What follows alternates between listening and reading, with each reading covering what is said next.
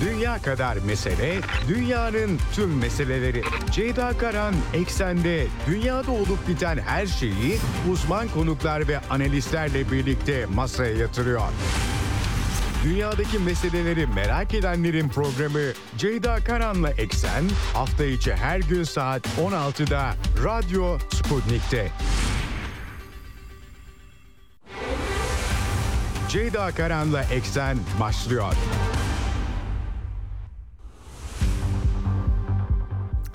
Eksenden merhabalar efendim. Bugün 30 Ocak 2024 günlerden salı dünyadan haberlerle karşınızdayız. Yine yüklü bir gündem var hem Orta Doğu'da hem Ukrayna'da hem Türk dış politikasında. Gazze şeridindeki gelişmeleri aktaracağım. İsrail'in operasyonları devam ediyor. Hamas yanıt vermeye çalışıyor.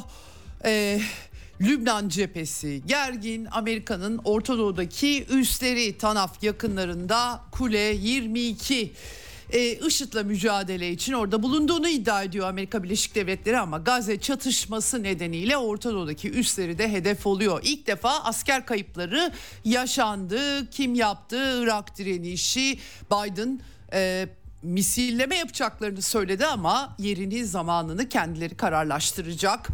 Ee, İran e, uyarılarda bulunuyor. Victoria Nuland Ukrayna çatışmasının tetiklenmesindeki rolünü bildiğimiz Amerikalı yetkili Türkiye'yi ziyaret etti. Tabii tek bir başlık yoktu ziyaretinde. Pek çok şey vardı. Türkiye'nin İsveç'in NATO üyeliğini onaylamasının ardından politikalarını Amerika ile paralel kılmasına yönelik CNN Türkiye söyleşisinden çıkan başlıklar var. Aktaracağım sizlere hepsini. Orta Doğu çatışmasındaki durum, e, Filistinlerin durumu İsrail Uluslararası Adalet Divanı'nın kararlarına pek uyacak gibi gözükmüyor. Doğrusunu söylemek gerekirse Ukrayna çatışmasından da başlıkları aktaracağım. Rusya Federasyonu tüm cephelerde inisiyatif ele almış gözüküyor.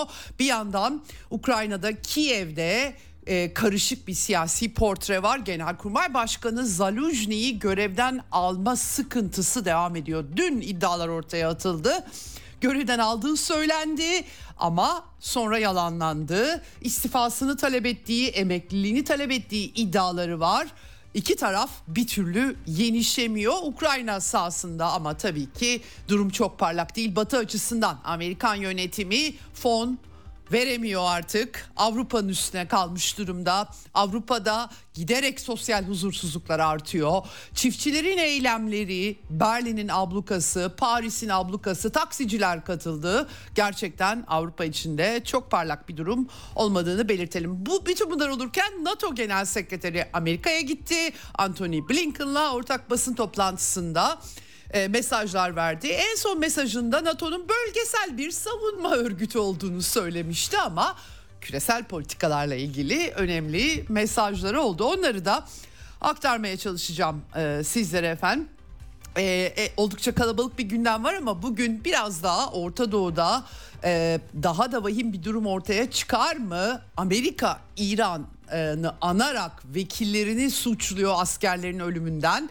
Buradan yeni bir çatışma çıkar mı? Son dönemde bu arada e, MİT Başkanı'nın Irak ziyaretleri, e, Türkiye, Rusya, İran e, yakınlaşması bütün bunları Profesör Mehmet Yuva ile konuşacağız. Bölgesel durum ve gidişata dair değerlendirmelerini alacağız programın son bölümünde. Evet başlamadan hemen yine frekanslarımızı tekrar edelim.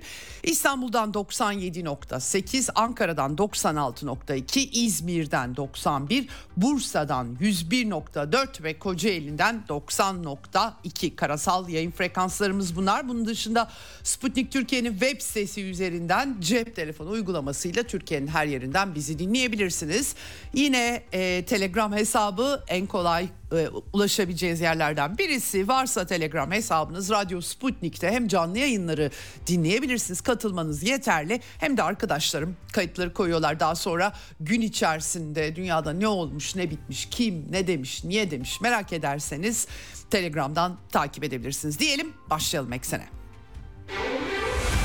Dünya kadar mesele, dünyanın tüm meseleleri. Ceyda Karan Eksen'de dünyada olup biten her şeyi uzman konuklar ve analistlerle birlikte masaya yatırıyor. Dünyadaki meseleleri merak edenlerin programı Ceyda Karan'la Eksen hafta içi her gün saat 16'da Radyo Sputnik'te.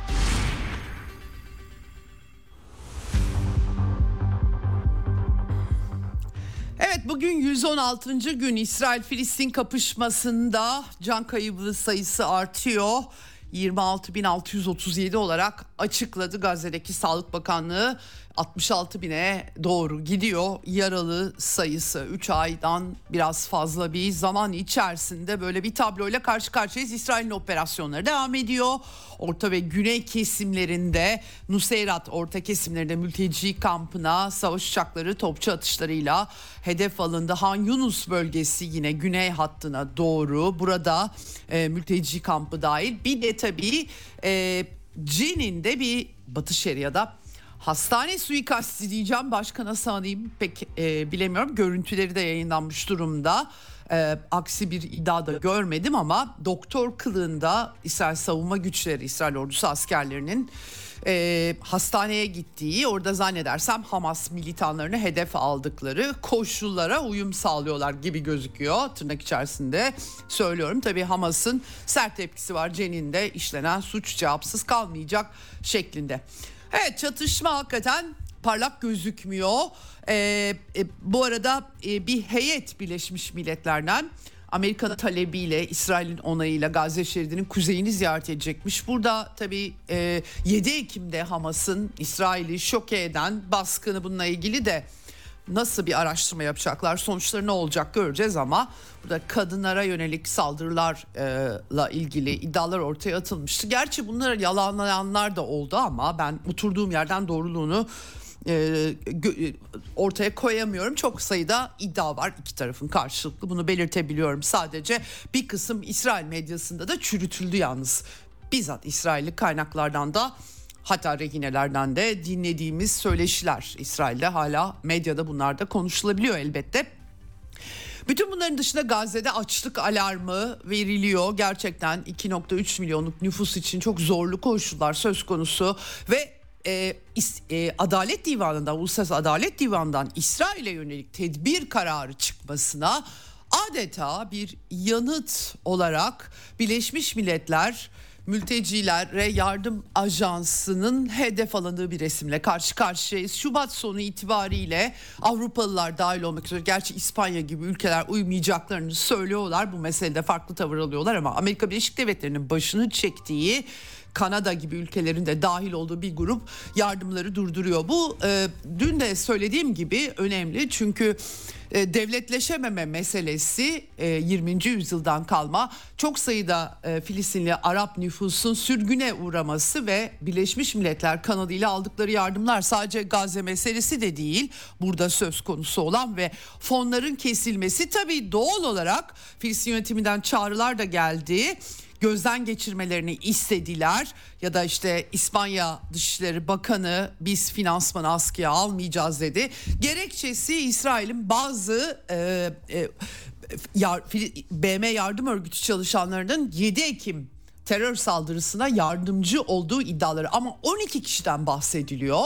Büyük bir e, yapı e, dolayısıyla binlerce insanın çalıştığı ve bu arada milyonlarca insan ki 5,5 milyon deniliyor Böylesine bir yardım örgütüne 12 kişi için e, paraların fonların kesilmesi gerçekten çok dikkat çekici. Adeta Uluslararası Adalet Divanı kararına bir misilleme gibi. Tabii Amerikan yönetimi sürekli olarak sivillere yardım temasını işlediği için biraz daha karikatürize bir durum oluşturuyor ee, burada. Ee, üstüne buna bir de İsrail için yine hiç hoş olmayan görüntüler Kerem Şalom kapısında e, bir takım e, milliyetçi, dinci İsrail vatandaşları Gazze'ye yardımları bloke ediyorlar. E, tabii bu durumda Gazze'nin Hamas'ı bir kenara koyalım sivil nüfusunun perişan olması anlamına geliyor. Gözünüzün önünde birileri açlıktan ölüyor ve siz kapıları kapatıyorsunuz. Manzara bu. Amerika'nın çizdiği insani yardım hani savaşı bitirmeme, ateşkesi engelleme ama nüfusa yardım görüntüsünü de oldukça e, devre dışı bırakan bir e, durum ortaya çıkıyor. Gerçekten ee, inanılmaz diyebiliriz bu anlamda. Siyasi mücadelelerini İsrail'in yerine koyup belki Hamas'la ilgili anlayabilir insanlar ama içeride açlıktan çocuklar, kadınlar kırılırken bu görüntüler ve yardım ajansının fonlarının 12 kişi için soruşturma için kesilmesi tabii ki bunun anlamı başka oluyor. Bütün bunlar olurken tabii ki ateşkes iddiaları dün aktarmıştım size Paris'te CIA Başkanı William Burns de gitmiş. Katar, Mısır yetkilileri e, 6 haftalık bir süre yine esir takası Hamas bir yandan İsrail'in Gazze'den tamamen çekilmesine kadar mücadele vurguları yapıyor. Diğer yandan müzakerelere göz kırpıyorlar. Her zamanki e, tutumları da diyebiliriz aslında. İsrail kabinesinin toplantısı söz konusu. Bu konuda karar verilecek. E, iddiaya göre Hamas sözcüsü Usame Hamdan e, El Kassam e, Tugayları ne yapacak e, henüz bilmiyoruz ama e, somut girişimler sunduk e, fakat e, kimse ilgilenmedi diyor. Onların tabii ki tutumu İsrail ordusunun çekilmesi, İsrail'in tutumu Hamas'ı yok etmek. Burada bir çıkmaz var ama The Cradle sitesi Orta Doğu e, merkezli Hamas'ın Gazze'de ateşkes önerisini incelediğini duyurdu. Arap medyasından aktarıyorlar. İsmail Heniye'nin de sözleri var kapsamlı bir biçimde saldırganlığın durması ve insani yardım koşuluyla ciddi ve pratik girişim her türlü ya da fikri tartışmaya açık olduklarını ama tabii e, İsrail'in çekilmesine dayandırıyorlar. İsrail'de çekilmiyor. Yine bir çıkmaz hali Paris'te çok zorlu müzakereler yapıldığını söylemek mümkün. Tabii e, yarın bu arada çarşamba deniyordu çünkü Cezayir'in çağrısı var. Uluslararası Adalet Divanı kararı e, konusunda BM Güvenlik Konseyi toplantısı bekleniyor ama onun herhalde notları daha da geç gelecek. Bununla ilgili yeniden bir diplomatik an, küresel diplomasi anlamında söylüyorum ne kadar sonuç vereceği tartışmalı tabii ki ama e, Güvenlik Konseyi'nde Amerikan ve İngiliz pozisyonlarını sıkıştıran bir takım hamleler beklememiz mümkün ama sonuçları ne olacak onu bilmiyoruz tabii ki. E, böyle bir çerçevemiz var. Bir yandan da tabii bu sözünü ettiğim Gazze'ye yardımların girmesini engellemek için protesto gösterileri yaparken bir takım İsrailliler e, dün de aktarmıştım bu konferans tartışılıyor. Likudlu bakanlar, aşırı sağcı İsrailli bakanlar yine Likudlu milletvekillerinin katıldıkları konferans. Burada açıkça tabii Hamas'tan Gazze şeridi temizlendikten sonra Filistinli Arapların gönüllü sürgününün sağlanması ve yerlerine de yerleşimler kurulması İsrail tarafında. Zaten 2005'te tek taraflı çekilmişti İsrailler. E, Ariel Sharon döneminde. O zaman e, pek çok özellikle dindar Yahudiler zorla çıkartılmıştı Gazze'den. Şimdi onların yerlerine düzlenmiş bir Gazze'de e, yani bu hedeften de çok da vazgeçilmediği anlaşılıyor. Yerleşim projelerine hazırlık amacıyla bu konferansın düzenlendiği söyleniyor. Tabii ki bu Amerika'nın da en azından retorik olarak andığı iki devletli çözüm bakımından e, bilemiyorum ne gibi bir çözüm getirecek Gazze ayağını topla toptan ortadan kaldırmak anlamına gelecek bir takım girişimler olduğu anlaşılıyor. Ee, e, burada Almanya e, e, bile Itamar Ben Givir var güvenlik bakanı Almanya İsrail'i destekliyor tabii ki ama Dışişleri Sözcüsü e, Gazze'de yerleşim durumuyla ilgili konferansa bizzat bakanların katılmaları ve yaptıkları açıklamaları e, mümkün olan en açık ifadelerle reddediyoruz demiş. Çok kibar bir diplomatik dil kullanmış. Filistinli nüfusun sürülmesine ilişkin bu düşünceler ve yeniden işgal hiçbir şekilde kabul edilemez demiş. İsrail'e söz geçirebilirlerse tabii ki. Evet tabii Netanyahu bu arada e, Hamas'ı yeneceklerini açıkça tekrarlıyor hiçbir şeyde gizleyip saklamıyor. Aslına bakarsanız daha üslubu tutarlı olan bu noktada Netanyahu baştan beri hiç ne Biden yönetiminin zikzakları, ara bulma çabaları hiçbir şey işlemedi. Hatta temel söylem Hamas kazanırsa sıra Avrupa'ya Amerika'ya gelecek. Nasıl gelecek ne olacak o ayrı bir konu. Hep böyle bir batıdaki genel söylem sıra size gelecek. Ne oluyor kim ne yaptı ki sıra gelecek diye tabii ki sorgulamak gerekiyor. Uzun bir savaş veriyoruz savaşın sonucunda Hamas'ı yok edeceğiz diyor İsrail Başbakanı. Ee, böyle bir çerçeve. Tabii Dün e, Hamas bu arada Tel Aviv'i roketlerle hedef aldığı videolar var. Sirenler çalması. Yani İsrail'in de e, hala bu kadar kara operasyonu ve işte 116 günden sonra e, roketlere engel olamaması e, yerlere bir yerlere düşmüşler. Bir yaralı görmedim ama ben bunlar devam edebiliyor. Evet bir yandan da tabii ki dün e, eksenin saatlerinde ben göz ucuyla görmüştüm fakat hakim olmadığım için size aktaramamıştım. Seyyide Zeynep Mahallesi Şam'ın e, e, Suriye başkent Şam'ın güneyinde burada İsrail'e e, mal edilen bir saldırı var İran medyası tarafından. İki kişinin hayatını yitirdiği haberleri geldi ama e, suikast siyasetinin e, parçası mı değil mi? Tabi Tower e, Kule 22 Amerika'nın Suriye'deki üssü hedef olmuş 3 askerinin öldüğü haberleri e, açıklanmıştı. CENTCOM duyurmuştu bunu. 34 yaralı olduğunu söylemişti. E, Suriye sahası da bir e, cehenneme dönmüş durumda. Herkes birbirini vuruyor. Birazdan konuşacağız Mehmet Profesör Mehmet Yuva ile. Tabii Amerikan yönetiminin Ürdün, Ürdün'deki üssü dendi ama Ürdün Suriye sınırı hemen Tanaf bölgesi var. Amerika IŞİD'le mücadele gerekçesiyle bitmiyor bir türlü IŞİD'le mücadele. Arada da hortlatıyorlar sağdan soldan zaten çok iyi bir aygıt. İstediğiniz yerde kullanabiliyorsunuz. Hemen sonuç veriyor siyasi söylem bakımından. Maalesef durum böyle en son Türkiye'deki kilise e, saldırısında da gördüğümüz gibi kullanışlı bir aparata dönüşmüş gözüküyor.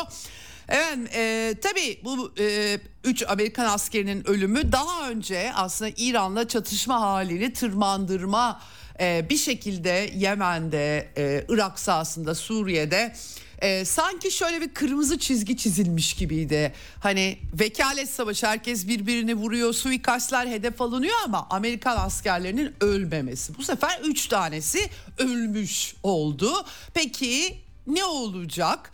Ee, e, yani e, Amerika'da da büyük rezaletler çıkıyor bu arada. E, not olarak sadece ara not olarak Beyaz Saray Sözcüsü Karine Jean-Pierre var. Zannedersem Amerika'nın Vogue kültürünün renkli unsurunu vurgulamak için aslında siyasi olarak çok zayıf. Dolayısıyla derhal bir başka makam yarattılar ve John Kirby gibi o da gerçi Hollywood yıldızı gibi ama olsun biraz daha yanıt verebiliyor. E, Jean Karine Jean-Pierre bu arada Ürdün'deki askerler Biden için öldü retoriğiyle herkesi şok etmiş durumda. Amerika tuhaf bir yere dönüştü. Gerçekten eskiden en azından diplomatları e, daha düzgün olabiliyordu. Neyse geçelim bunu. Şimdi e, Bloomberg ajansı bu üç askerin ölümü üzerine e, ve diğer yayınlarda da var. E, eşi benzeri görülmemiş yanıt diyor ama ne olabilir artık Orta Doğu'da Amerika ne yapmadı da ne yapabilir diye herkesin sorması e, icap eden bir durum. E, bir yandan tabii Biden yönetimi İran'la bir çatışma istemediklerini açıkça dile getiriyor. John Kirby e, bunu e, söyledi. E, İngiltere de aynı şekilde, Anglo-Saksonlar da aynı şekilde bunu söylüyorlar. Diğer yandan da seçenekler değerlendiriliyor diye haberlerle dolu birkaç seçenek üzerinde çalışıyorlarmış. Körfez'de İran Deniz Kuvvetleri ya da işte e, Irak ve Suriye sahasındaki İranlı askerlere yönelik saldırılar ki bunlar kısmen yapılıyor. Yenilik yok burada. Yani Biden'ın seçim senesinde bir de bunu e, kamuoyuna takdim edebilmesi gerekiyor. Bakın ben böyle yaptım bu kadar başarılı da bir yanıt verdim demesi gerekiyor. Dolayısıyla çok merak ediyorum nasıl herkes de onu merak ediyor ne yapacaklar diye. Ulusal Güvenlik Konseyi'nde zaten bu Kule 22'ye yapılan 3 askerin öldüğü saldırıyı da e, görüşmüşler, ele almışlar. E, dolayısıyla buradan İran'a yönelik şapkadan nasıl bir tavşan çıkacak herkesin merakı burada. İranlılar ise insan kaybı yaşanmasa bile İran topraklarını hedef alacak herhangi bir Amerikan saldırısına doğrudan yanıt verilecek. Yani ucu bucağı gözükmeyen bir e, resim çıkmış durumda karşımıza. Evet bu koşullarda bir de e, Türkiye bu arada önemli tabii e, Türkiye e, Suriye Irak sınırında son dönemde terörle mücadeleyle ilgili başlıklar çıkacak çok sayıda olay yaşandı. Epey bir süreç dondurulmuş durumda normalleşme geçen seneden bu yana hareket sergilemiyor doğrusunu söylemek gerekirse. Amerika ile ilişkilerde hassas durumlar var. MİT Başkanı İbrahim Kalın'ın Irak ziyaretleri oldu. e, Türkiye'yi de çok yakına ilgilendiren süreçler var. Bu arada tabii ki sadece işin Orta Doğu ayağı değil e, NATO işte İsveç'in NATO üyeliği Batı ile Türkiye ilişkileri bakımından Türkiye'nin jeopolitik e, konumu bakımından önemli gelişmeler yaşıyoruz. E, bunları da e, Profesör Mehmet Yuva ile konuşup değerlendirmelerini alacağız ama e, tabii e, Victoria Nuland e, Kiev e, Ukrayna'daki bu çatışmada ne kadar büyük rolü olduğunu sızan telefon kayıtlarından Kiev'deki darbenin arkasında nasıl bir rol oynadığı bütün dünyaya çoktan mal olmuş bir mesele. Victoria Nuland'ı Türkiye ağırladı hem de anlamlı bir zamanlamayla ee, Ankara'nın İsveç'in NATO üyeliğini nihayet onaylaması, hemen Washington'a ıslak imzalı gönderilmesi, e, onlar anlaşmaları saklıyorlar. Efendim e, e, ve F-16 alımıyla ilgili jet hızıyla bir şekilde tabii F-16'lar hemen gelmeyecek ama olsun e, mekanizmanın işlemesi. Böylesi bir zamanlamayla Türkiye-Amerika stratejik mekanizması kapsamında Victoria Nuland Türkiye'ye geldi. Hakan Fidan'la görüştü. Dışişleri Bakanı Yardımcısı Burak Akçapar, e, Cumhurbaşkanı Baş Danışmanı Büyükelçi Akif Çağatay Kılıç'la görüştü. E, CNN Türkiye röportajlarındaki başlıklar e, ilginç gerçekten. E, şimdi son dönemde Irak'tan ve Suriye'den Amerikan güçlerinin çekilmesi gündeme taşınıyor. Hatta Irak'ta Büyükelçinin Irak hükümetiyle görüşmeleri başlatmasından söz ediliyor. Hiç ihtimal vermiyorum. Yani şöyle diyeyim sıfır ihtimal veriyorum Amerika'nın Orta Doğu'dan çekilmesi. Amerika'nın dünyada girdiği hiçbir yerden Afganistan hariç orada da tabii ki başka unsurlar mevcut. Ama e, bu e, olgular tartışılıyor dünya medyasında. Victoria Nuland da açıkça dile getirmiş Suriye'den çekilmeyeceğiz demiş. Nedeni nedir? IŞİD. Diyorum ya size çok kullanışlı bir aparat. Hala pek çok yerde koskoca Amerika'da böyle yani IŞİD'i da dağıttılar bitirdiler kaç sene oldu ama ama kullanışlı aygıt. Niye bitirsinler tamamen zaten. Efendim pek çok yerde aktif. O yüzden o yüzden de Türkiye ile e, mücadelede güçlü ortaklarda oldukları için her zaman aynı fikirde değiliz ama demiş işbirliğimizi güçlendirmek önemli diyor Victoria Nuland. Suriye'de nasıl bir yol izleyeceğimiz konusunda diyalog kurmak diyor. e, terörle mücadele konusunda çıkarları var özel. Mesela Türkiye yeni operasyonlar mı yapacak ya da yapmayacak? İdlib'deki Amerikan ay pardon El-Kaide e, bölgesi ne olacak gibi gibi başlıklar çıkabilir. Bir de Birdenbire çok şahane hemen e, S-400'lerle ilgili ilginç bir başka notu da görüyoruz. Victoria Nuland'ın açıklamasında Rusya'dan alınan S-400 sistemleri rahatsız etmişti Amerikan yönetimini. Gerçi öncesinde Patriot pek de verilmek istenmemişti Türkiye'ye. Şimdi Victoria Nuland diyor ki Patriot satışını müzakere etme sürecindeydik ve devam ederken Türkiye başka bir yöne gitti. Yani verecektik ama demeye getirmiş. Halledebilirsek S-400 meselesini ki istiyoruz. Türkiye'yi o zaman F-35 ailesine geri almaktan memnuniyet duyuyoruz. Çok dikkat çekici e, bunlar tabii ki. E, F-35'lerin bilemiyorum Japonya'da orada burada problemler de çıkarttı ama 5. E, nesil savaş uçağı tabii ben uzmanı da değilim. Pek çok uzman da çok iyi bir uçak olduğunu söylüyor. Onu bilmiyorum ama Türk savunma sanayi tabii S-400'ler yüzünden yaptırım yedi Amerika'dan. Gerçi bu F-35 parçalarının üretimi konusunda da Amerikan savunma sanayinin sıkıntı yaşadığı belki de Türkiye'den daha kaliteli malzeme mi alıyorlardı bilemiyorum. Ama Victoria Nuland açıkça Türkiye'yi eski pozisyona getirmek için manidar mesajlar e, vermiş e, burada. E, ne kadar güvenilebilir, müzakereler ne kadar sürer, ne kadar anlamlı olur onu da bilemiyorum. Patriot kısmını da bilemiyorum. Çünkü biliyorsunuz patriotlarla ilgili en dikkat çekici mesele Amerika patriot mermisi bulamıyor Kiev'e verecek. Japonya'dan filan istedikleri haberleri yansıyor e, patrol sistemleri o kadar böyle seri üretim şakır şukur çıkartılamıyor. Ukrayna'ya verilecek patrol sisteminde sıkıntı yaşıyorlar. Oradan oraya oradan oraya. Dolayısıyla ekstradan Türkiye'ye e, patriot verilebilir mi? Onu da bilmiyorum. Ben Brian Barletik'ten bütün Amerikan savunma sanayi ile ilgili haberleri ondan takip ediyorum. Genellikle bütün söyledikleri çıkıyor çünkü. Yani böyle e, her şeyden vazgeçip yaşasın Patriot alacağız desek bile o Patriot sistemleri gelebilecek mi? Onların e, e, radarları, mermileri o da ayrı bir başlık ama tabii Türkiye'de çok güçlü bir lobi var. Bunları tartışmak o kadar kolay değil. Onu da belirtmek gerekiyor. Evet.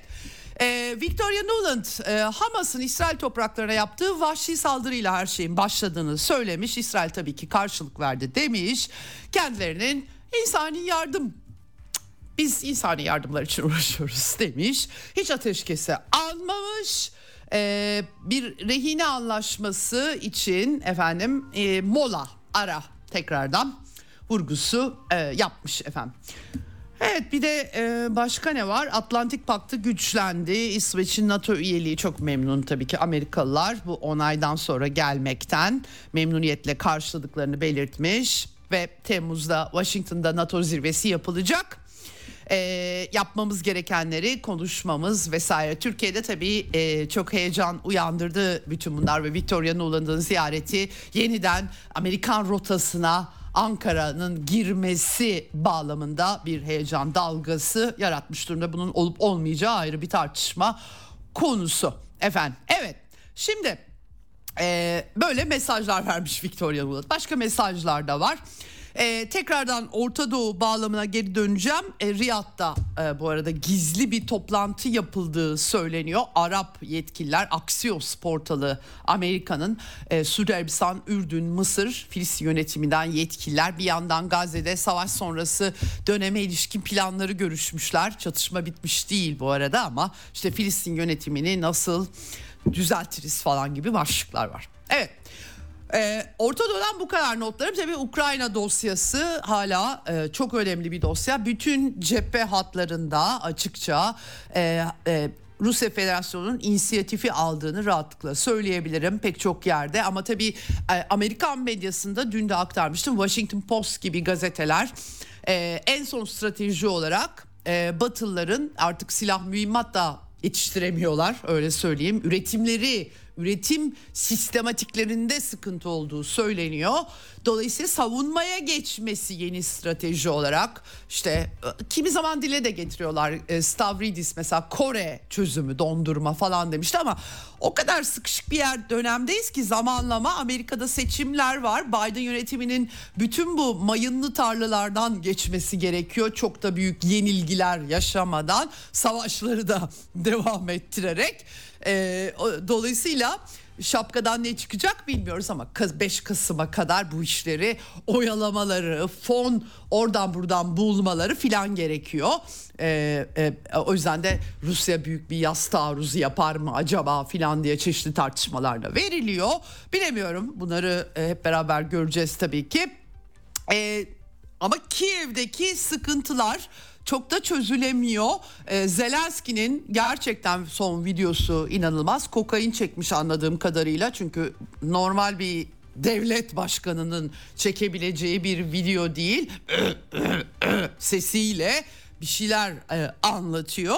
Açıklamaları var e, ayrıca dün...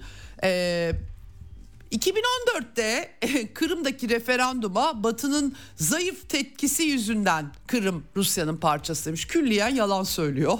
2014'te Kiev'de bir darbe oldu. Hatta Avrupa Birliği bu darbe öncesinde ıslak imzalı anlaşmaya imza koydu. Ertesi günü kendi attığı imzayı çöpe, çöpe attı. Hiç onlardan bahsetmiyor. Kırım'da bu arada referandum yapıldı. Kosova'nın aksine biliyorsunuz Kosova Yugoslavya parçalanırken son parça Öyle meclis kararıyla bağımsızlık çıktı. Referandum sandığı bile koymaya gerek duymadı Amerikalılar bölme çarpma işlemlerini yaparken. Kırım'da ise başka türlü işledi. Tabii doğal olarak Kırım'ın nüfusunun çoğunluğu Ruslardan oluşuyor ve hediye edilmişti vaktiyle Sovyetler Birliği içerisinde Ukrayna'ya ondan önce zaten Rusya Federasyonu'na bağlıydı Sovyetler Birliği içerisinde. Tabii ki böyle değil ama Zelenski e, tarih e, hafızası zayıf insanlığa bet sesiyle ve kokain çek, çekarak da çeşitli mesajlar açıkçası verebiliyor. Ülkesini mahvetti o da ayrı bir hikaye. Evet şimdi e, seferberlik hikayesi hala radadan çıkamamış durumda ama 880 binlik bir orduları olduğunu söylüyor. Gerçekten Ukrayna ordusunun durumunun içler acısı olduğu insan kaynağı bakımından bu arada da bütün bu Rusya'nın Rusya güçlerinin inisiyatif aldığı cephelerde her gün insanlar ölmeye devam ediyor. Ee, gerçekten bir günde bir günde 1200 ölü ve yaralı. Hepsi ölü değil tabii ki. Yaralananlar da var. Bütün cephe hattından bahsediyorum. Bunların bir kısmı Ukrayna kaynaklarından bilgiler. Ee, çok vahim insan kaynakları tüketiliyor Ukrayna'nın. Çok acıklı elbette. Seferberlik sıkıntısı var. Ee, Batılılar, Amerikalılar anladığım kadarıyla Ukrayna ordusuna savunmaya geçmelerini önermiş durumdalar stratejik olarak. Fakat tabii e, bizatihi yine batılı analistler Zelenski'nin riskli eylemlere girişebileceğini söylüyorlar. Yani bunları da böyle hakikaten çok tuhaf batı medyası sunuyor. Sanki kendileri böyle şeyler demiyorlarmış gibi. E, Ian Bremer, Bremer var. Columbia Üniversitesi Uluslararası İlişkiler uzmanı. Ben de takip ediyorum Twitter'da. Time dergisi için Zelenski çatışmanın gidişatını değiştirmek ve siyasi konumunu korumak için Rusya içinde hedeflere agresif saldırılar dahil büyük riskler oluyor diye bir saptama yapmış. Yani bunlar yapıldı da ne oldu? Açıkçası hiçbir şey çözmüyor. Ee, ama hala işte uzun menzilli sistemler bir yeri vurduk, iki yeri vurduk, üç yeri vurduk. Hiçbir şey değiştirmiyor çatışmanın gidişatı sahada olup bitenlerle ilgili. Avdiivka'daki durumu en son aktarmıştım dün size. Ee, Zelenski de e, tuhaf tuhaf şeyler söylüyor. Almanya'da e, mültecileri verin, e, mülteciler yerine bize para verin falan sığınmacılar, insanlar kaçtılar Ukrayna'dan. Ya Batı'nın el atıp da mahvetmediği bir ülke var mı diye Ukrayna'ya bakınca insan aklına ilk o geliyor tabii ki. E, Şimdi bütün bu kargaşada e, Zelenski'nin Genelkurmay Başkanı Zaluzny ile bilek güreşi Kiev'de daha önce aktarmıştım hatta görevden alındığı iddiaları da olmuştu.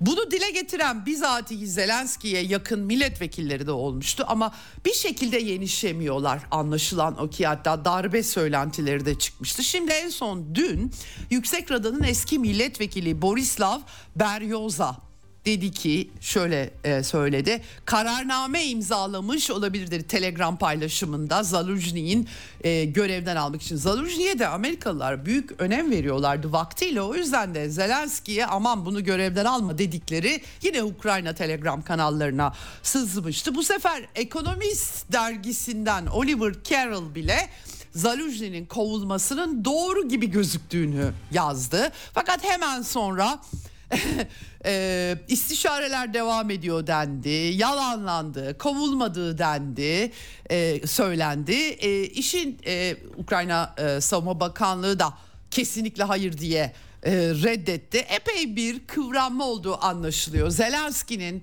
Zaluzny'yi kovabilecek bir gücü olmadığı söyleniyor. İstifaya davet ettiği emekliliğine ama reddettiği söyleniyor. Bir şekilde görevden almak istiyor ve yerine de Budanov'u asker istihbaratın başındaki Nazi'yi atamak istiyor Zelenski ama onu da beceremiyor. Demek ki içeride bir ağırlığı var ki tam olarak yapamıyor. Böyle bir kriz hali var. Budanov'u ataması da çok enteresan tabii komuta e, e, daha önce aktarmıştım size.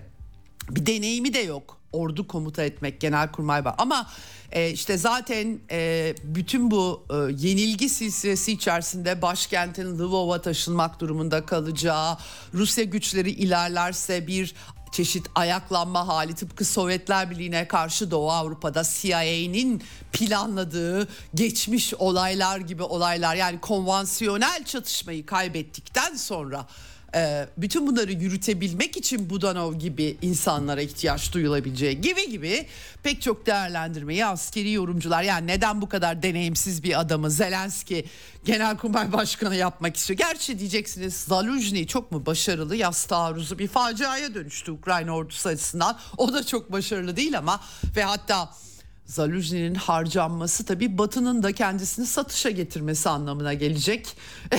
Hakikaten çok acayip bir tablo çıkıyor ortaya. Bütün bu e, karambolde bir de e, Ukrayna yönetimi Macar komşularıyla da kapışmaya tutuştu. Macaristan'da Lazio, e, Torok Torokai siyasetçi, sağdan e, bir siyasetçi. Ukrayna'nın devlet olma niteliği sona erebilir. Sona ererse o zaman ana vatan, vatanımız Transkarpatya e, yani Macaristan'da orada hak iddia edecektir dedi. Tabii bu büyük bir tartışma malum biliyorsunuz. Ukrayna dediğimiz devlet e, birden fazla bu son 100 yılda eklemelerle oluştuğu için böyle sıkıntılar. Tabii modern bir ulus devlet olarak içinde bulunan azınlıklara da haklarını teslim edecek bir yapı e, ortada yok. Maalesef aşırı milliyetçi bildiğiniz nazilerle hareket etmiş etmeyi bir gurur kaynağı görenler iktidarı Amerikan destekli darbede ele aldıkları için biraz böyle sakıncalı bir durum var. E, bu milletvekili Macaristan'dan yalnız demiş ki Ukrayna'nın 10 trilyon dolardan fazla parası olan dünyanın en büyük yatırım fonu BlackRock meşhur BlackRock tarafından satın alınmış bir ülke zaten demiş. Dolayısıyla yani biz de Transkarpatya'yı geri alsak bir şey fark etmeyecek dediği bu. Ee, Ukrayna Dışişleri Bakanı Kuleba ise e, kızmış bu Macar siyasetçiye. E, demiş ki dişlerini Ukrayna konusunda dişlerini kıracağız demiş herkes iyi ilişkiler e, e, Ukrayna ile Macaristan arası ilişkiler istemediklerini e, e, Macaristan'ın biliyoruz. Bu yüzden böyle tehditler yapılıyor. Bu tür yorumlar yapan her Macar siyasetçinin dişleri kırılacaktır. Kim kıracak acaba dişlerini onu bilmiyorum tabii ki. E, Macaristan'ın dişlerini Avrupa Birliği kırmaya çalışıyor ama Avrupa Birliği'nin üyesi Macaristan ama Brüksel'i dinlemediği ve Amerikalıları dinlemediği için fonlarını kesmekle tehdit ediyorlar. Financial Times haberini dün aktarmıştım size. Ee, Macaristan Avrupa Birliği alenen siyaseten farklı pozisyon alan e, Avrupa Birliği'nin uyguladığı bütün bu savaşçı politikaların kendilerine ve Avrupa'ya zarar verdiğini düşünenleri e, cezalandırma yöntemini seçiyor. O yüzden de Macaristan ekonomisini perişan etme tehditleri Financial Times'a yansımıştı. Valla Avrupa Birliği şahane bir yapı gördüğünüz gibi üyesi de olsanız sizin ekonominizi yatırımları perişan etmek gibi şeyler bile düşünebiliyorlar. Şahane. Evet e, bu arada şey e, Viktor Orban da yanıt vermiş e, Ukrayna'ya 50 milyar 4 yıl için bu arada dişini kovunu da doldurmayacak. Düşünün geçen sene 110 milyar dolardan fazla para verildi. Bu sene yarısı verilerek başarı bekleniyor. 4 yıl içerisinde de Avrupa Birliği 50 milyar euro verecek 4 yıl ama. Bunların hiçbirisi bugünkü koşullarda durma deva olmayacak ama olsun Macaristan'a bizim istediğimiz planı onaylayacaksın diyorlar. Macaristan da veto ediyor. Macaristan lideri Viktor Orban da gayet pragmatik bir lider bu arada.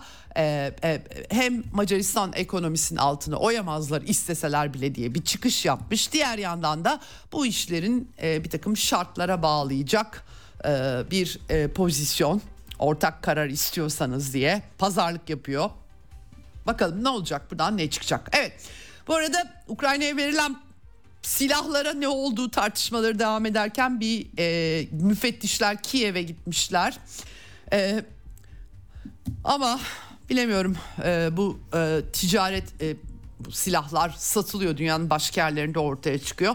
Amerikalılar da e, Ukrayna'ya fon ayırma krizi devam ediyor. Stoltenberg'in NATO Genel Sekreteri Antony Blinken'ı ağırladı ve ortak basın toplantısında e, yardımların kesilmesinin çatışmayı nasıl etkilediğinin şimdiden görüldüğünü söyledi. Sihirli bir para kaynağımız yok dedi. Artık tükendi dedi askeri yardım.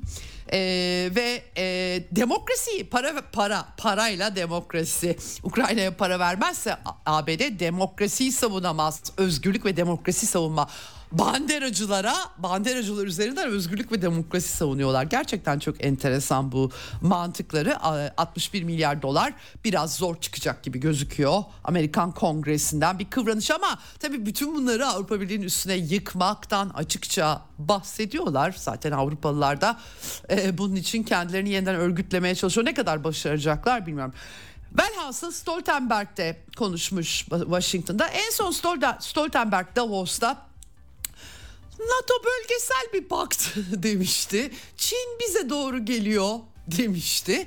Şimdi burada tabii ki birdenbire değişmiş Washington'daki basın toplantısında NATO otoriter rejimlere karşı demokratik ulusların bir arada durmasına uğraşıyor. Güvenlik küresel bir mesele. NATO küresel ölçekteki zorluklarla mücadelede hayati önem taşıyor. Nasıl oluyor bölgeselden bir anda küresele sıçramış durumdayız. Tabi buradan Orta Doğu mesajları vermiş işte İran e, Orta Doğu'nun istikrarsızlaştırılmasından İran sorumlu. Mesela Amerika işgal mişgal hiç Amerika'nın alakası yok bu işlerle. Amerika Orta Doğu'da ne yaptı ki? Hiçbir sorumluluğu olabilir mi? Irak'ta, Suriye'de, orada, burada hiçbir şey yapmadı Amerikalılar. Stoltenberg diyor ki İran sorumlu. Ukrayna'da Rusya sorumlu. Hiçbir şey yapmadı NATO canım. Yani üstüne üstüme iyilik sağlık valla. Ee, ayrıca hayırseverlik yapmıyoruz efendim. Çünkü Rusya kazanırsa Kuzey Kore, Çin cesaret alır ve demokratik Avrupa ulusları çökü verir maazallah yani hakikaten çok enteresan. Hayırseverlik yapmıyoruz. Kendi güvenliğimize yatırım yapıyoruz filan falan demiş. Yapamıyorlar yatırım çünkü para veremiyorlar. Bitirdiler paraları. Bu savaşı Putin başlattı demiş. Yani hiç darbe yapmak, Bunlar hiçbiri savaşla alakası yok. Kabul etmeyen Donbas'taki Rusça konuşan nüfus onlara Ukraynalı deyip geçiyorlar mesela. Türkiye'den bahsederken Kürtler diyorlar. Irak'ta Kürtler diyorlar. Ukrayna'da herkes Ukraynalı. Azınlık hakları, dil hakları bunların hepsi çöp. Müthiş ilkeler var biliyorsun. Çok ilkesel batı demokrasileri onun için Donbas'ta Kiev'de banderacılar iktidara, aşırı sağcılar iktidara gelince bunu kabul etmeyen nüfusun uçaklarla vurulması demokratik ulusların eylemi.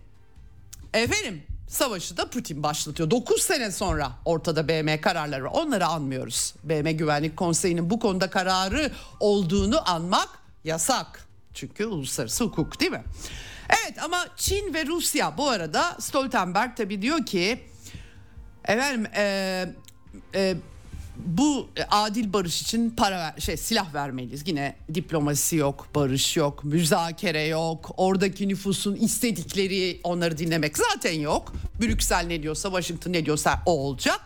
İttifakta güçlenmiş durumda İsveç'te katıldı. Stoltenberg öyle söylüyor. Zaten ABD ve NATO'nun e, birlikte e, gücü dünyanın e, ekonomik ve askeri gücü dünyanın yüzde 50'si. Dolayısıyla Çin ve Rusya'nın böyle bir gücü yok. Biz daha güçlüyüz demiş. İyi peki yani. Bu yüzden birliklerini baltalamaya çalışıyorlarmış. Kendileri hiçbir şey yapmıyor. Hiç onların izledikleri politikalarla ilgili bir neden sonuç bağlantısı tabii ki yok efendim. Evet böyle bir çerçeve. Hah Kanada evet Türkiye'ye yönelik silah ihracatı kısıtlamaları kaldırılmış 2020'den bu yana devam eden ee, burada tabii önemli herhalde Türk savunma sanayi için nerelere gidecek onları göreceğiz. Ama büyük olasılıkla bu e, Dağlık Karabağ Savaşı ile alakalıydı. Azerbaycan'la e, Türkiye desteklediği için konulmuş bir silah ambargosuydu. E, tabii e, e, İsveç'in üyeliğine onay verince ee, anladığım kadarıyla pazarlıkların bir unsuru olarak da bu ihracat kısıtlamaları kaldırılmış durumda. Efendim e, Dışişleri Bakanı Hakan Fidan Victoria Nuland'ı ağırladıktan sonra dikkat çekici bir açıklama yapmış Montreux ilgili. Akıldan geçirilmesi bile söz konusu olamaz. Montreux Sözleşmesi'ni harfiyen uygulamayı sürdüreceğiz demiş. Tartışmayı bırakın demiş. Bulgaristan Başbakan Yardımcısı ve Dışişleri Bakanı Maria Gabriel'le ortak basın toplantısında. Neyse ki e, böyle bir açıklama yapmış Hakan Fidan. Ee, Avrupa'ya biraz bakacağım. Joseph Borrell e, uzlaşmadan bahsetmenin Ukrayna çatışmasında hatalı olduğunu söylemiş Avrupa Bahçıvanı. Böyle diyor e, efendim e, Ukrayna kazanamayacak ama diye işitiyoruz diyor. Kendileri söylüyorlar bunları. Kendisi de söylüyor. Tünelin ucunda ışık filan da yok diyor. Rusya savunma sanayini yok etmekte başarısız olduk diyor. Ama uzlaşma yok efendim yok yok yani böyle bu, bu bunu söyleyen de Avrupa'nın baş diplomatı. e, Asya'dan Özbekistan, Kazakistan, Tacikistan, Türkmenistan e, heyetlerini kabulünde bunları söylemiş. E, tabii Avrupa Birliği'nin Asya ile ilgili politikalarına atıf yapmış. Bilemiyorum böyle bir politikası var mı? Avrupa Birliği'nin bir dış politikası da zaten var mı diye de bence sorulabilir. Çok meşru bir soru olur. Daha ziyade Amerika'nın Amerika ile birlikte Amerika'nın dediklerini yapıyorlar işin açıkçası. Ee, bunun da sonuçları var. Tabii Avrupa'da efendim bu arada e, Almanya Berlin'de çiftçilerin blokajı olmuştu. Şimdi toplu taşıma çalışanları greve gidiyor. Almanya'da 130 yerel e, toplu taşıma şirketinde çalışanlar 2 Şubat'ta birçok eyalette greve gideceklermiş talepleri var. Giderek tabii ucuz Rus gazından olan kuzey yakım altyapısı Amerika tarafından ortadan kaldırılan Almanya'nın halleri ama sadece Almanya mı Fransa'da yollardan kaos manzaraları en son çiftçilerin Paris ablukası meselesi bloke etmeye başladılar. Tarım ürünlerinin girmesini engellemeye çalışıyorlar ama sadece onlar da değil taksi şoförlerinin eylemlerinin videoları da var. Bakın bunlar Batı medyasında eskiden olsa öyle uzun uzun yazılır çizilirdi. Artık çok iplenmiyor doğrusunu söylemek gerekirse. Traktörlerle Paris'i kuşatmış durumdalar e, pazarlarda eylemler yapılıyor. Giriş çıkış güzergahlarında traktörler kol geziyor. Geceleri acayip görüntüler var. Bunların böyle çarşaf çarşaf e, yayınlanıp tartışılması lazım ama nerede? Artık yok öyle şeyler. Sadece Almanya ve Fransa'da değil, İspanya'da, Hollanda'da, Belçika'da, Polonya'da, İtalya'da pek çok yerde tarım politikalarından şikayet ediyorlar. İşte e, tabii bunun başında yeşil mutabakat politikalarını tartışmak lazım. Biraz böyle çiftçilere üretim yaptırmamak, hayvancılığı sınırlandırmak, e, yeşil devrim yapmaya çalışıyorlar ama nereye nasıl yapıyorlar? İnsanların yaşam güçlerini hesaba katıyorlar mı derseniz pek öyle olmadığı anlaşılıyor. Bir de üstüne tabii ucuz Ukrayna tarım ürünleri Avrupa pazarına elini kolunu sallayarak girince AB'nin bütün regülasyonlarını aşarak Ukrayna politikalarının Avrupa'daki sonuçları daha da tartışılır hale geliyor.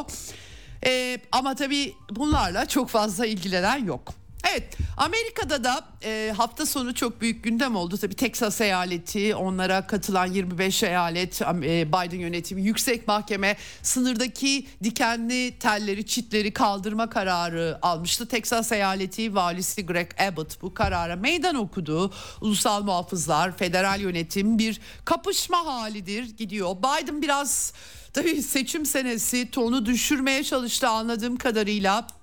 Eee Kongre eğer bir yetki verirse işte Amerika Meksika sınırını da kapatabiliriz aslında gibi bir takım ifadeleri var ee, Biden'ın e, sınır güvenliği tasarısı oylanırsa bir kriz hali var. Teksaslı yetkililer bu arada dikenli tel örgüler 3000 kilometre boyunca kurmayı planlıyorlar. Yani asla politikalarında uygulayamaz hale geldi. Tabii ki Amerika'daki federal sistemle alakalı bütün bunlar e, çok sayıda e, göçmen giriyor ve e, takdir edersiniz bir ülkenin e, bu kadar yüksek sayıda kamu e, e, hizmetleri vesaire pek çok etken tamam e, iyi bir şey insanlar istedikleri yere gitsinler. Elbette bazısı çaresizlikten gidiyor ama sonuç itibariyle e, ülkelerin kaynak, kıt kaynakları sınırlı kaynakları bunların nerelere harcanacağını doğal olarak o ülkelerin vatandaşları yurttaşları da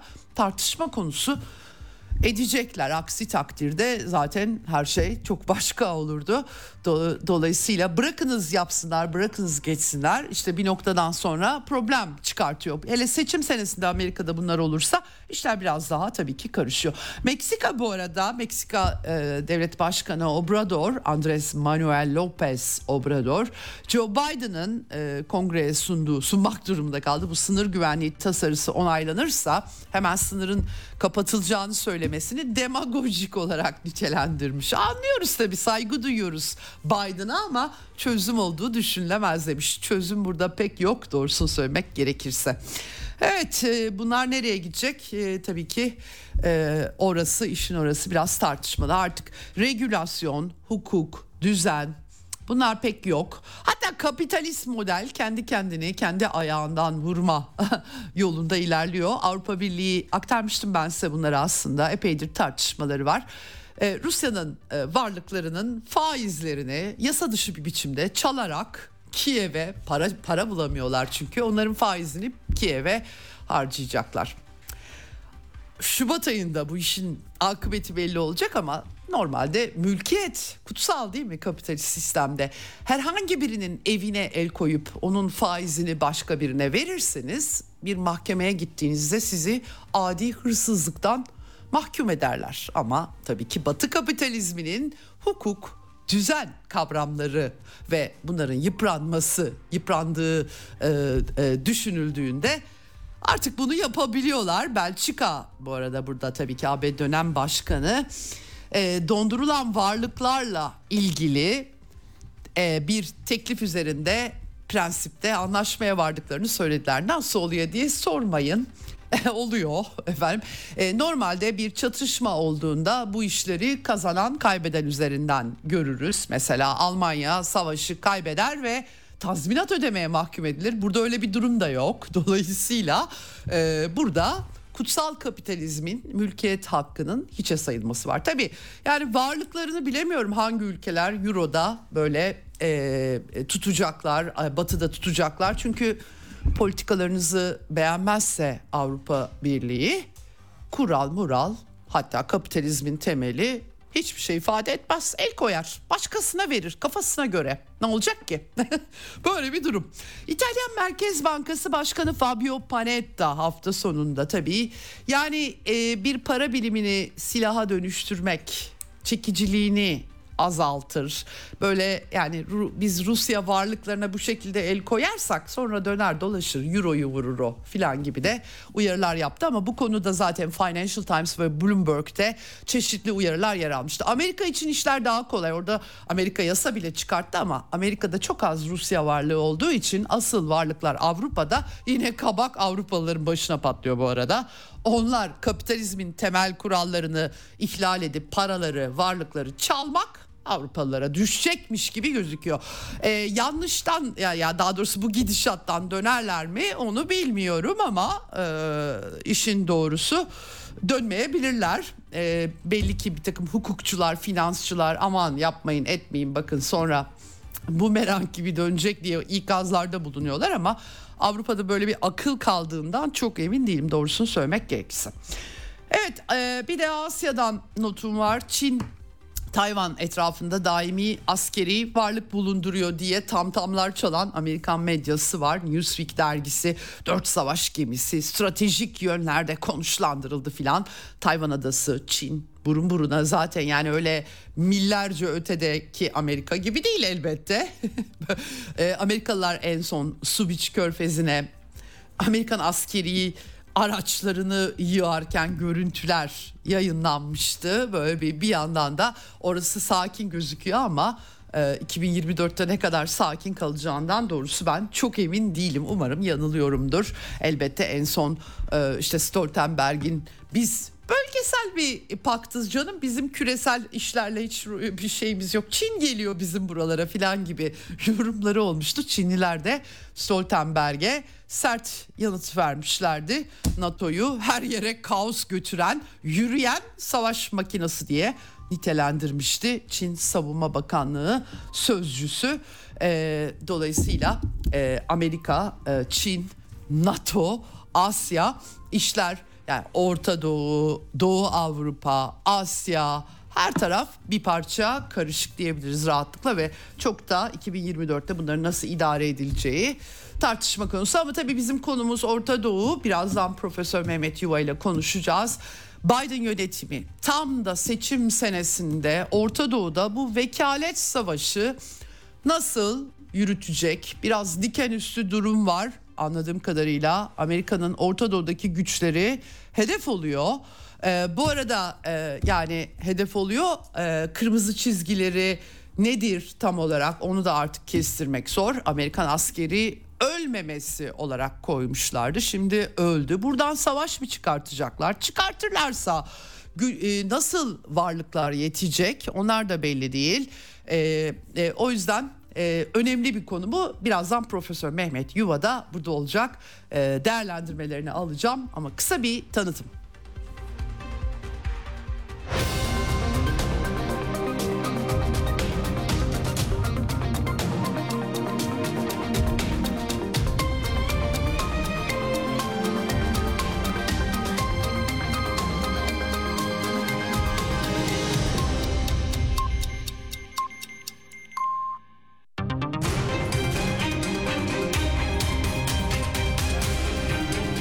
Radyo Sputnik. Anlatılmayanları anlatıyoruz. Ceyda Karan'la Eksen devam ediyor. Evet Eksen'in son bölümündeyiz. Telefon hattımızın diğer ucunda Profesör Mehmet Yuva var. Hoş geldiniz efendim yayınımıza. Çok teşekkür ederim. Hayırlı yayınlar diliyorum. Sağ olun. Ee, ben teşekkür ederim e, Mehmet Hocam. Şimdi e, ben her gün aktarıyorum artık biraz da bezginlikle aktarıyorum ama Orta Doğu'daki çığırından çıkan durum. E, tabii epeydir biz Ukrayna ile ilgileniyorduk ama 7 Ekim'den beri işler değişti. Müthiş bir bir yandan Gazze'de İsrail'in kara harekatı ile birlikte büyük bir dram var. Bir yandan bütün bir bölgeye yayılan bir vekalet çatışma diyeyim. Tuhaf da bir görünüm arz ediyor. İran'la Kızıldeniz'den Suriye'ye, Suriye'den Irak'a e, Amerika hedef oluyor giderek ve e, bir takım kırmızı çizgiler de çekiyorlar. İşte askerlerimizin ölmesi dediler. Giderek böyle bir İran'a mesajlar veriyorlar ama öte yandan da en son e, e, Suriye e, Tanaf bölgesindeki işgal güçlerine bağlı e Kule 22'de 3 Amerikan askeri öldü dendi. O da işte yok İHA'lar karıştı aslında e, normalde öyle olmazmış diyorlar. Tam olarak ne olduğunu anlamak da zor ama bir vekalet savaşı var ve bu savaşın İran'la açık savaşa dönüşmesini isteyenler var gibi gözüküyor. Bir yandan Suriye biliyorsunuz e, Amerikan işgal de bitmiyor. IŞİD aparata dönüştü. Victoria Nuland en son Türkiye'yi ziyaret etti ama Suriye'den çekilmeyiz IŞİD var canım dedi. IŞİD çok şahane bir aygıt. E, hocam ne oluyor bu vekalet savaşın sonu e, bu bu sene böyle e, daha da derinleşmesini mi göreceğiz Gazze odaklı olarak? E, siz Orta Doğu'daki bu resmi nasıl okuyorsunuz? Önce onu sorarak başlayayım. Evet çok teşekkür ederim. Böyle bir konu. Ancak bu çok e, hem objektif hem ayrıntı için sevgili seyircilerimizle e, önemli bir e, tarihi anekdot paylaşmak isterim. Şimdi e, özetle e, Amerika Birleşik Devletleri'nin kurulduğu takriben 1783 tarihinden günümüze kadar bir yeni geçecek olursak ki e, uzun yıllar Amerika tarihi öğreten bir e, bu konuda uzman olarak da bunu e, söyleyeyim. E, Hocam sesinizde bir sıkıntı var yalnız ben e, duyamıyorum dediğinizi. Arkadaşlarım tekrar arasınlar sizi çünkü dinleyemiyoruz anlattıklarınızı. E, tekrar bir evet e, daha sabit bir yerden arayabilirsek arkadaşlar önemli notlar da söyleyecek hocamız. Evet e, Profesör Mehmet Yuva'yı e, tekrar arkadaşlarım arıyorlar. Orta Doğu'daki bu vekalet savaşının gidişatı, son durumun değerlendirmesini kendisine e, sormuştum. Gerçekten çünkü bir yandan Amerika'da seçim yılı doğrudan Orta Doğu'da bir çatışma çıkartabilirler mi? Şüpheli gözüküyor. E, bir yandan tabii e, İran... E, Amerikan e, hamlelerine de yanıt verir bir görünümde. Her şey dolaylı gelişse bile artık eskisi gibi de değilmiş gibi. E, yani geçtiğimiz e, haftalarda Erbil, İdlib, e, Belucistan vurdu İran. Evet hocam e, evet tekrardan e, hocam bağlamış durumdalar. İnşallah düzelmiştir hocam. Buyurun kaldığınız yerden devam edin. Ha, e, söylediklerimin hangisi ulaştı bilmiyorum ama Amerika'nın 1783 e, te kuruluşundan beri de kaldım ben hocam. Ondan sonrası çok kesik evet, kesik yani, geldi duyamadım. İsterseniz başlanalım. Yani genel olarak Amerika'nın e, kurulduğu tarihten ve bu sarası e, siyaset sahnesine çıktığı e, ilk lahzadan itibaren e, bu tarihi hem Amerika kıtası hem ardından Pasifik Okyanusu, e, Avrupa coğrafyası, e, Batı Asya coğrafyası ve daha sonra da dünyanın genelinde bir değerlendirmeye tabi e, tutulması çok önemli. Bugün o anlamamız açısından ve Amerika'nın gerçekten bu coğrafyadan e, çekilip çekilmeyeceğini objektif olarak değerlendirmek açısından çok çok önemli. Şimdi e, ABD tarihi genel hatlarıyla e, karanlık eylemlerin ve politikaların çok yoğun olduğu bir tarihtir. Yani bu tarihi e, işgalsiz, savaşsız, e, mafyavari suikastları zikretmeden uyuşturucu kaçakçılığını, silah kaçakçılığını e, görmeden hatta e, birçok örnekte e, özellikle e, Küba'ya müdahale ettiği 1898 tarihinde kendi savaş gemisini batırarak, kendi askerlerini öldürerek Küba'yı işgal etme senaryosunu ve kumpasını anlamadan e, Amerika Birleşik Devletleri'nin e, dış politikalarına objektif bir yaklaşım yapmak mümkün değil. Şimdi birçok insan ve benim de muhatap kaldığım en önemli sorulardan birisi, bana yöneltilen sorulardan birisi, hocam diyorlar peki bu Amerika Birleşik Devletleri'nde hiç iyi bir şey yok mu? Ben de kendilerine buna hitaben şüphesiz ki var diyorum. Çünkü en güzel çiçekler bataklıkta açar. Ama alımlı ve narin çiçeklerin varlığı biliyorsunuz bataklık gerçeğini örtmez. Bu anlamıyla ABD tarihi çok karanlık ve zalim bir tarih ve zalim bir bataklık. Şimdi bunu e, Amerika Birleşik Devletleri'nin çok önemli dönemlerinde başkanlık koltuğuna oturmuş olan e, iki önemli başkanın söylemlerinden hareketle ne demek istediğimizi anlatmaya çalışayım.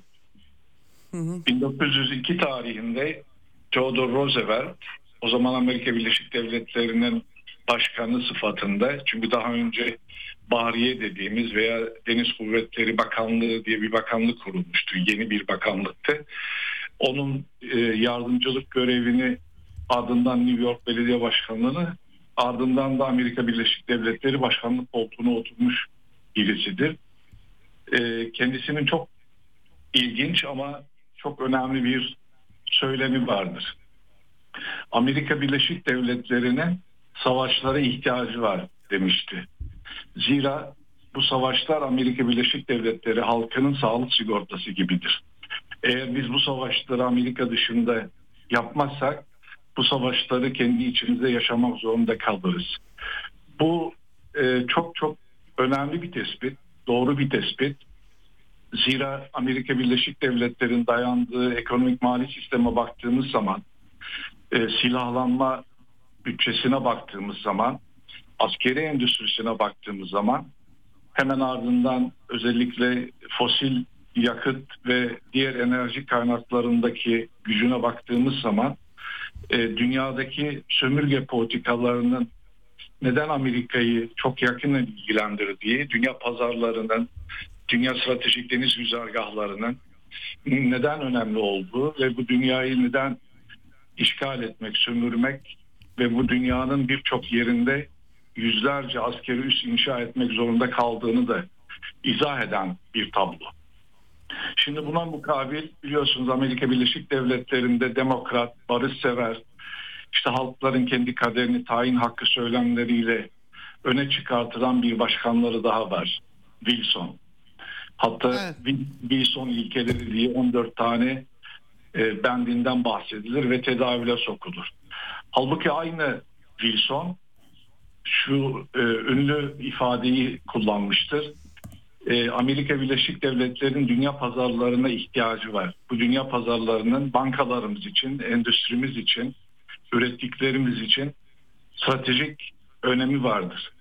Bu sebeple bu stratejik pazarları kaybetmemek adına Amerika Birleşik Devletleri gerektiğinde bu pazarlara askeri müdahale hakkını da kullanabilir ifadesi de Wilson'a aittir. Şimdi buradan hareketle e, Amerika Birleşik Devletleri'nde peki sadece savaş yanlısı, savaş kışırtıcılığı yapan, bu savaşlardan nemalanan bir tek elde kapitalist sistemin varlığından mı söz ediyoruz? Elbette ki hayır. Bakın dikkatinizi başka bir başkana seçeyim. Bu da diğer iki başkana cevap niteliğinde olsun. 1795 senesinde Amerika Birleşik Devletleri'nin başkanlık koltuğuna oturan ve Amerikan 4. devlet başkanı olarak bilinen James Madison adında bir başkanları var. Hı hı. Kendisiyle röportaj yapan o tarihte Amerika'da yayınlanan Political Observation diye bir magazin var, bir siyasi dergi var. Kendisine soruyor röportajı yapan gazeteci. Sayın Başkan diyor, savaşı neden doğa ve insanı kemiren bir virüs olarak tanımladınız? Çünkü her konuşmasında savaş karşıtı ve savaşların neden toplumları ve devletleri son merhalede kısa ve orta vadede çıkarlar sağlasa da son merhalede devletleri ve toplumları çürüten bir unsur olarak kabul etmiş ve nitelendirmişti. Bu sebeple de gazeteci soruyor bunu neden böyle bir virüs olarak tanımladınız? Doğa ve insanı kemiren bir virüs olarak tanımladınız diye soruyor. James Madison da cevaben şöyle diyor. Kamu özgürlüğünün en ölümcül düşmanı savaştır. Savaş özgürlüklerin düşmanı olan bütün mikropları birleştirir ve yayar. Borçlar ve vergiler bunun ürünüdür. Çoğunluğu bir zümrenin istibdadı ve kontrolü altına sokar. Hiçbir ulus özgürlüğünü sürekli bir savaş ortamında muhafaza edemez demişti. Şimdi Amerika'yı besleyen en önemli unsurlardan birisi sömürüsün talanını yağmasını ve yayılmasını sağlayan savaşlardır. Şimdi buradan hareketle şunu çok net söyleyebiliriz. Amerika'nın 2. Dünya Savaşı'ndan sonra İngilizleri, Fransızları saha dışına iten ve onların yerini alan bir dünya hegemonya projesi vardı. Bu dünya hegemonya projesini hayata geçirebilmesi için Amerika'daki tarihçiler, Amerika'da Amerikan devletine, Pentagon'a, CIA'ye danışmanlık yapan önemli uluslararası ilişkiler uzmanları şu telkinde bulunmuşlar. Bu dünyanın ağır siklet merkezi Batı Asya'dır, Orta Doğu'dur. Onların kullandıkları deyim Orta Doğu ama Orta Doğu tabiri tarih olarak da doğru bir tanımlama değildir. Çünkü bulunduğumuz coğrafya ne doğunun ortasıdır ne doğunun kuzeyi batısıdır. Bulunduğumuz coğrafya Asya'nın batısıdır. Ve bu Batı Asya coğrafyasının da merkezinde Doğu Akdeniz, Şam coğrafyası yani Lübnan, Filistin, Mısır, Suriye, Irak ve Anadolu önemli bir yer işgal eder. Bu coğrafyayı kontrol etmeden bu eski uygarlıkların, tüm ilahi dinlerin ve özellikle Birinci Dünya Savaşı sonrasında ama ağırlıklı olarak İkinci Dünya Savaşı'ndan sonra keşfedilen çok zengin petrol yatakları, hemen ardından 1960'lı 70'li yıllardan sonra keşfedilen doğal gaz kaynakları ve bu doğal gaz ve petrolün sağlamış olduğu çok önemli ekonomik getirimler, doların önce altına altından sonra da özellikle petrola endeksli olarak kabul edilmesi. Böylece Suudi Arabistan'ın petrola karşılık doları kabul ederek Amerika'nın hegemonyasını dolar bazında da bir uluslararası mali hegemonyaya dönüştürdüğü süreçten sonra bu coğrafyayı elinde tutmayan Amerika Birleşik Devletleri, kontrol edemeyen Amerika Birleşik Devletleri aslında burayı kaybederse kendi sonunun da getireceğinin idrakindedir. Şimdi bu gerçeklikten hareketle zaten birinci, birinci Dünya Savaşı'nda başlayan işte Filistin'i Siyonist bir Yahudi devlete dönüştürme projesi bir Anglo-Sakson ve Amerikan projesidir. Ama İkinci Dünya Savaşı'ndan sonra ağırlıklı olarak Amerika Birleşik Devletleri'nin devreye girmesiyle ve biraz önce ifade ettiğim İngiliz ve Fransız emperyalizmi yerine bu coğrafyada kendi tahakkümünü kurduktan sonra İsrail'i hem Avrupa'nın Siyonist Yahudi burjuvazisi hem de bu burjuvazi ile birlikte hareket eden işte protestan ve katolik kökenli ama artık kimliklerini uluslararası veya çok uluslu şirketlere dönüştürmüş olan uluslararası tekelci kapitalist sistem İsrail'i bu bölgede bir karakol olarak inşa ettiler. Bir askeri üs olarak inşa ettiler. Ve bu askeri üs üzerinden bir taşla iki kuş öldürmeyi başarabildiler. Bir, sevgili seyircilerimiz haritaya zahmet edip baktıklarında Filistin aslında Mısır coğrafyasıyla Şam ve Anadolu coğrafyasını birbirine bağlayan bir kara parçasıdır, bir köprüdür. Filistin Siyonist Yahudi burjuvazisi tarafından ve uluslararası tekelci kapitalist sermaye tarafından bir askeri karakolu dönüştürüldükten sonra bu kara köprü Mısır'ı Şam'dan ve Anadolu'dan koparmıştır. İkinci önemli husus bunun özellikle Filistin'e böyle bir erkin inşa edilmesinin en önemli sebeplerinden birisi Süveyş kanalının yani bu stratejik güzergahın kanalın kontrol edilebilmesidir. Ardından İsrail'in kendi varlığını ve uluslararası bu askeri polis görevini yerine getirebilmesi için çevre ülkelerin sürekli olarak istikrarsızlaştırılması ve oraya inşa edilen mezhep kökenli, dinsel kökenli devletin bir benzeri olan diğer toplumlara da mezhep ve etnik kimlikler bazında devletleri inşa etmek. Yani milli, güçlü, büyük, bütünsellik arz eden topyekün bir coğrafyayı, orduyu, devleti kontrol eden bir makinizme yerine İsrail'in güvenliğini tehdit etmeyecek, tehlikeye düşürmeyecek, böylece de uluslararası tekelci sermayenin bölgedeki çıkarlarını da koruyacak olan bütün bu, bu coğrafyadaki milli devletleri paramparça etmek, bölmek, taksim etmek, etnik ve mezhep kökende sürekli çatışmalar çıkararak, ekonomik ambargo ve ablukalarla sürekli ekonomilerine müdahale ederek bu çıkarlarını, bu projelerini daim ettirmeye çalıştılar. Ve sizin de bildiğiniz üzere özellikle 2001'de ikiz kulelere yapılan o terör saldırısı bunun arkasında şu veya bu kuvvet olabilir. Bizatihi kendileri bunu organize etmiş olabilir ama neticeye baktığımız zaman ikiz kulelere yapılan terör saldırısından sonra Amerika özellikle Sovyetler Birliği'nin çöktüğü, işte o soğuk savaş döneminin bittiği, iki kutuplu dünya yerine artık Amerika'nın tek başına bütün dünyaya hakim olma güdüsüyle ve tamahıyla ortaya çıkan bu yeni koşullarda ve ortamda Amerika Birleşik Devletleri Büyük Orta Doğu, genişletilmiş Orta Doğu gibi terimlerle yeniden bu bölgeyi kendisine uygun tanzim et, etmenin projesini hayata geçirdi. Şimdi geldiğimiz nokta itibariyle çünkü uz, uzadıya ayrıntılı e, anlatmaya Evet hocam yok. vaktin üçte ikisi gitti hocam. E, peki Ama buyurun. E, yo önemli değerli şeyler söylüyorsunuz tabii ama hani e, günümüzdeki resim biraz Evet. güncelleştirmek Günümüzdeki- bakımından. Zaten Evet. günümüzdeki resmi e, Sayın Kara anlayabilmemiz için e, bu, bu tarihi bu tarihi gerçekleri Evet. Evet. e, anlamamız, görmemiz e, önemli. Şimdi 2001 sonrasındaki gelişmeleri biliyoruz. Afganistan işgali, Irak'ın işgali, 2004'te işte Suriye'de tatbik edilen işgal operasyonu, 2005'te Lübnan Devlet Başkanı Refik Hardin öldürülmesi, 2006'da İsrail'in Lübnan'a saldırması, 33 gün boyunca Lübnan-İsrail savaşı, ardından Filistin'e yönelik e, genişleme politikaları, Golan bölgesinde yeni yerleşim birimlerinin açılması vesaire gibi gelişmeleri yaşadık. 2011'den sonra malumunuz bu tırnak içinde Kanlı Arap Baharı projesiyle işte Tunus'tan Libya'dan Mısır'a uzanan ama esas itibariyle hedefe konulan Şam coğrafyası e, için bir işgal, talan, yağma ve taksim projesi gündeme geldi.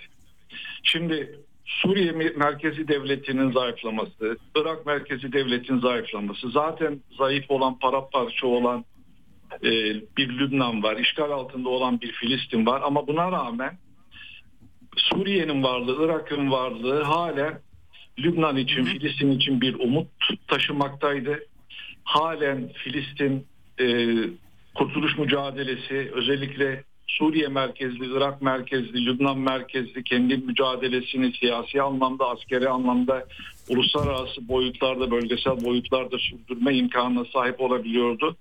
Bunu da ortadan kaldırmak amacıyla Suriye yönelik böyle bir operasyon yapıldı ve bugün Suriye Amerikan askeri üsleriyle işgal edilmiş, petrolü talan edilen, tarım ürünleri talan edilen bir coğrafya konumunda. Şimdi bu ne yönelik? Suriye olsun, Irak olsun e, hayatta kalabilen, varlığını sürdürebilen, ister devlet bazında ister daha güçlü olan ve böyle bir işgale maruz kalmamış olan imkanlarını o direnişe, o mücadele daha fazla verme imkanına sahip olan İran'ın da devreye girmesiyle bu mücadele ve direniş hem Irak hem Suriye sahasında hem Filistin sahasında, Lübnan sahasında, Yemen sahasında hem Amerika'nın hem İsrail'in hem İngiltere'nin hem de bölgedeki müttefiklerine karşı bu mücadeleyi bugünkü boyuta kadar getirebildi, taşıyabildi. Ve çok önemli kazanımlar da elde edildi. Yani dikkat ediniz 7 Ekim'den sonra Filistin'e yönelik İsrail'in başlatmış olduğu işte Hamas'ın saldırılarına cevaben diye e, ortaya koyduğu bu son merhalede soykırıma giden bir toplumu, bir coğrafyayı topyekün haritadan silme, ortadan kaldırma, yok etme e, savaşı, bu terörü e, bütün bu imkanlara e, e, sefer edilen bütün araçlara rağmen bütün dünyanın Avrupa devletlerinin Amerika'nın vermiş olduğu siyasi askeri psikolojik desteğe rağmen İsrail bu sahada başarısız olmaya devam ediyor. Suriye ve Irak içinde de hem Filistin'de yaşananlara cevaben hem kendi topraklarında mevcut olan bu işgalci kuvvete karşı haklı olarak, şer'i olarak, hukuken, uluslararası hukuktan da doğan hak, bir hak itibariyle mücadelelerini sürdürmektedir. Şimdi dikkat ediniz Sayın Kara, son 1-2 ay içinde Amerikan askeri üslerine yönelik 150'den fazla saldırı oldu. İster Irak'ta ister evet. Suriye'de. Şimdi bu saldırı bu saldırılar esnasında da İsrail'in Filistin Filistin'e yapmış olduğu bu terör saldırısı esnasında da Amerika Birleşik Devletleri daha önceki programlarda bunu sizinle sohbet etme imkanı bulmuştuk. Bu savaşı yani Filistin'de İsrail'in ortaya koymuş olduğu bu savaşı bir bölgesel savaşa dönüştürmeme, başka bölgelere sıçramasını ön, önleme gibi hem açıklamalarda hem davranışlarda bulunmaktadır. Zira Amerika'nın hiç şüphesiz askeri gücü birçok yerde yeni savaşlar çıkarmaya belki de kadirdir, muktedirdir ama bunun çok pahalıya mal olacağını da biliyorlar. Özellikle Amerika'nın içinde bulunduğu ekonomik mali durumu, özellikle askeri harcamalara sağ, sağladığı büyük miktardaki trilyonlarca dolar imkanlarla aslında çözmesi gereken yığınla kendi ülkesinde sorun varken dünyanın birçok yerinde bu tür askeri harcamaları yapması, birçok farklı cephede savaşlara girmesi neden zor?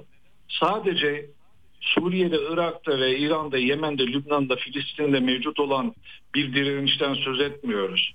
Zor çünkü artık dünya tek kutuplu değil. Zor çünkü artık sahada ekonomik olarak, mali olarak, askeri olarak gücünü ibraz etmiş ve Amerika ile bu rekabeti yapabilme potansiyelini ortaya koymuş bir Çin var, bir Rusya var, BRICS ülkeleri var. Bütün bunların varlığı, bunlarla dayanışma içinde olan kuvvetler hiç şüphesiz uluslararası sistemde ciddi bir çatlama yarattı. Ve bu çatlama derinleşerek büyüyecektir. Şimdi gelelim esas itibariyle sizin de... Hocam 3 3 dakika kaldı ama bir yani e, çok e, tabii tarihsel çerçeve hak, e, hakkınız var önemli ama e, 25 dakika e, şu an 2 dakika var. Hemen e, o zaman ben sözü size bırakayım. Sadece toparlayarak aktarırsanız çünkü başka sürem yok. O açıdan yani kusura bakmayın. En evet. son Eltenef askeri üssüne yapılan evet. saldırıyla ilgili biliyorsunuz İran daha önceki bütün saldırılarda ister İsrail'in saldırılarında Amerikan saldırılarında ölen kendi vatandaşları askeri yetkilileriyle ilgili olsun ister kendisinin veya kendisiyle birlikte hareket eden sahadaki bu direniş kuvvetlerinin yapmış olduğu eylemleri hiçbir zaman inkar etmedi. Bunu kendisinin yaptığı ve bunun sorumluluğunu üstlendi. Ee, Zayiat olduğu zaman da çekinmedi. Ee, kendi öldürülen öldürülen şahısların isimlerini açıkça ifade etti. Lübnan'daki Hizbullah da bunu yaptı. Hamas da bunu yaptı. Ancak El Tenes konusunda ilginç bir durum var. İran bu eylemin arkasında olmadığını ifade etti. Hatta John Kirby en son ifadesinde işte bizim İran'la bir savaşa girme niyetimiz yok ama işte cevap hakkımız saklı yönünde bir açıklamada bulundu.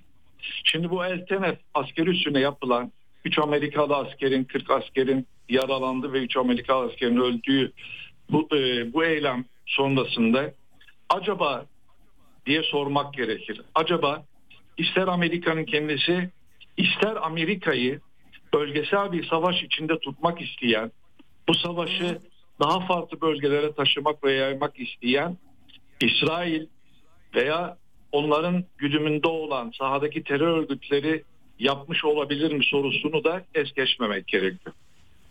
Evet. Ee, anladım hocam. Peki e, e, çok kısa vaktim var ama e, sonuçta Rusya, Türkiye, İran reisinin e, ziyaretiyle böyle bir sanki dirsek temasları varmış gibi bir durum da var ortada. Hani bu işin daha bölgesi olarak yayılmasını engelleyecek faktör olabilirler mi diye soracaktım ama çok az vaktim var. E, açıkçası e, hakikaten bir yayını bitirmem gerekiyor çünkü.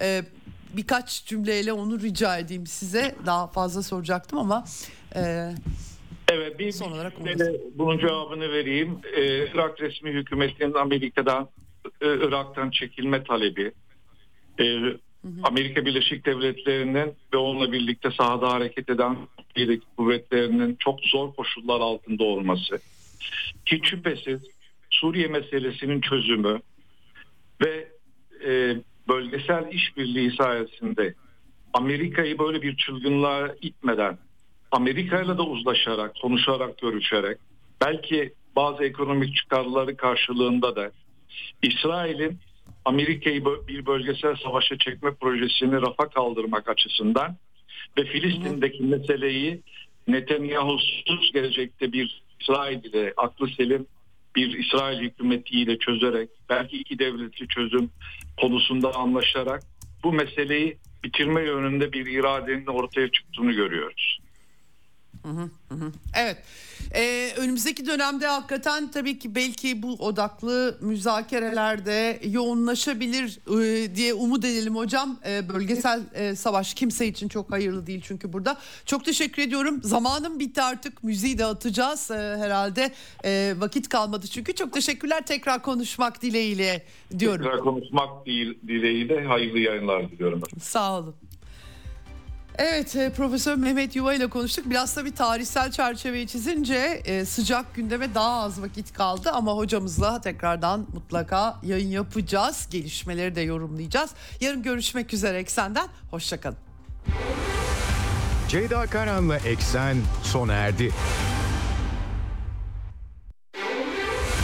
Dünya kadar mesele, dünyanın tüm meseleleri. Ceyda Karan Eksen'de dünyada olup biten her şeyi uzman konuklar ve analistlerle birlikte masaya yatırıyor. Dünyadaki meseleleri merak edenlerin programı Ceyda Karan'la Eksen hafta içi her gün saat 16'da Radyo Sputnik'te.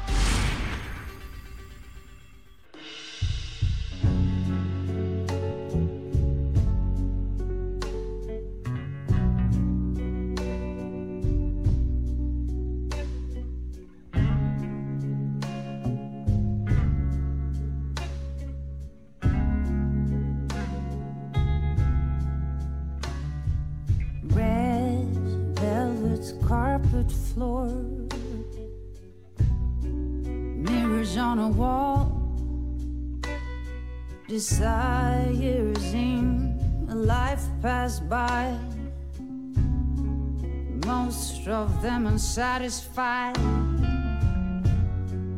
Underneath a crazy moon, secrets of a powder room, dirty lipstick on the shelf, seven up and hair gel.